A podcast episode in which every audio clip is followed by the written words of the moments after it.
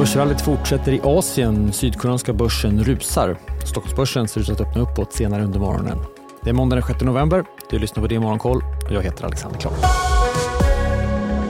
Börsen i Asien följer på fredagens glada börser. Vi såg bland annat i USA. Japan som höll stängt i fredags är upp över 2 under morgonen har vi också fått protokollet från den japanska centralbankens senaste möte.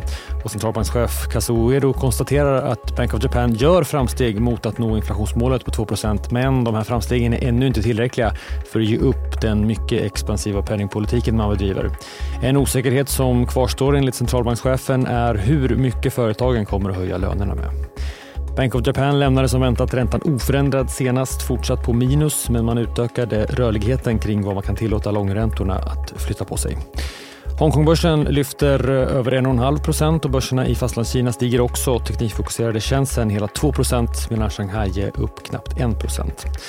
I Sydkorea där rusar börsen. Kopsindex är upp över 4 efter att landet återigen infört ett förbud mot att blanka aktier. Det kommer att vara otillåtet att korta aktier fram till juni nästa år. Samtidigt ska man se över och reglera lagstiftningen säger man. På tal om stora uppgångar så hade Wall Street sin bästa vecka för det här året förra veckan som avslutades med arbetsmarknadsrapporten om from payrolls i fredags. S&P 500 stängde upp knappt 6% för hela veckan. Det har inte hänt sedan november i fjol. Och småbolagsindex Russell 2000 steg hela 7,5% under veckan. Det var det bästa vi sett sedan maj 2021. I fredags fick vi också se amerikanska räntor fortsätta att falla tillbaks och även dollarn föll. Sverige så, matpriserna stiger återigen i Sverige. Efter att ha legat still några månader så steg priserna i oktober med 0,3 procent jämfört med september enligt den återkommande mätningen från sajten Matpriskollen. Juice och olivolja är exempel på artiklar som stigit mycket i pris men även mejeriprodukter har blivit dyrare sedan förra månaden. Banken SEB skruvar i sina prognoser om vad man tror om svensk ekonomi. I år tror banken att BNP minskar med 1 Det är visserligen en förbättring mot vad banken trodde så sent som i augusti. Men nästa år, 2024, tror SEB att BNP kommer att minska till skillnad från tidigare då man såg en svag ökning. Vidare så spår banken att Riksbanken inte höjer räntan nu i november. Den första sänkningen från Riksbanken sker i september nästa år.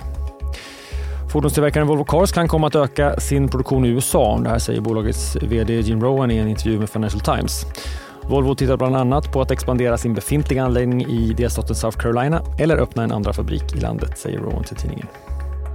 Flygbolaget SAS har skrivit avtal med sina budgivare, däribland Air France och KLM. SAS får också finansiering på motsvarande 5,5 miljarder kronor i samband med detta för att kunna refinansiera en del av bolagets befintliga lån och för att slutföra sin rekonstruktion, skriver man.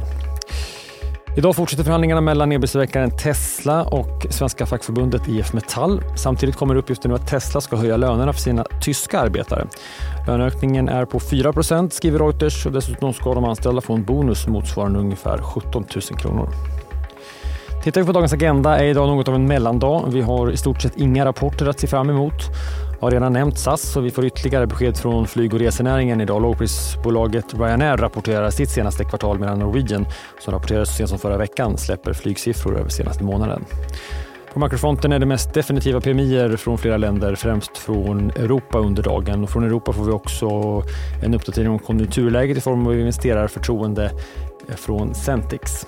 Mer händer imorgon tisdag. Då är det återigen Rapportmorgon i DTV som sänder från klockan halv åtta. Bolagen Storskogen, Sinch, New Wave, Caliditas och Securitas är några av de som rapporterar och intervjuas i DTV under dagen. Mer om det imorgon. Börsmorgon idag som vanligt i DTV från kvart i nio eller som podd senare under förmiddagen. Det är Morgonkoll. Hörs igen imorgon bitti. Jag heter Alexander Klar.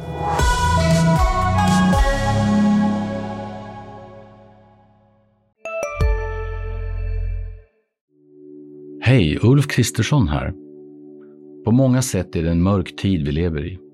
Men nu tar vi ett stort steg för att göra Sverige till en tryggare och säkrare plats. Sverige är nu medlem i Nato. En för alla, alla för en.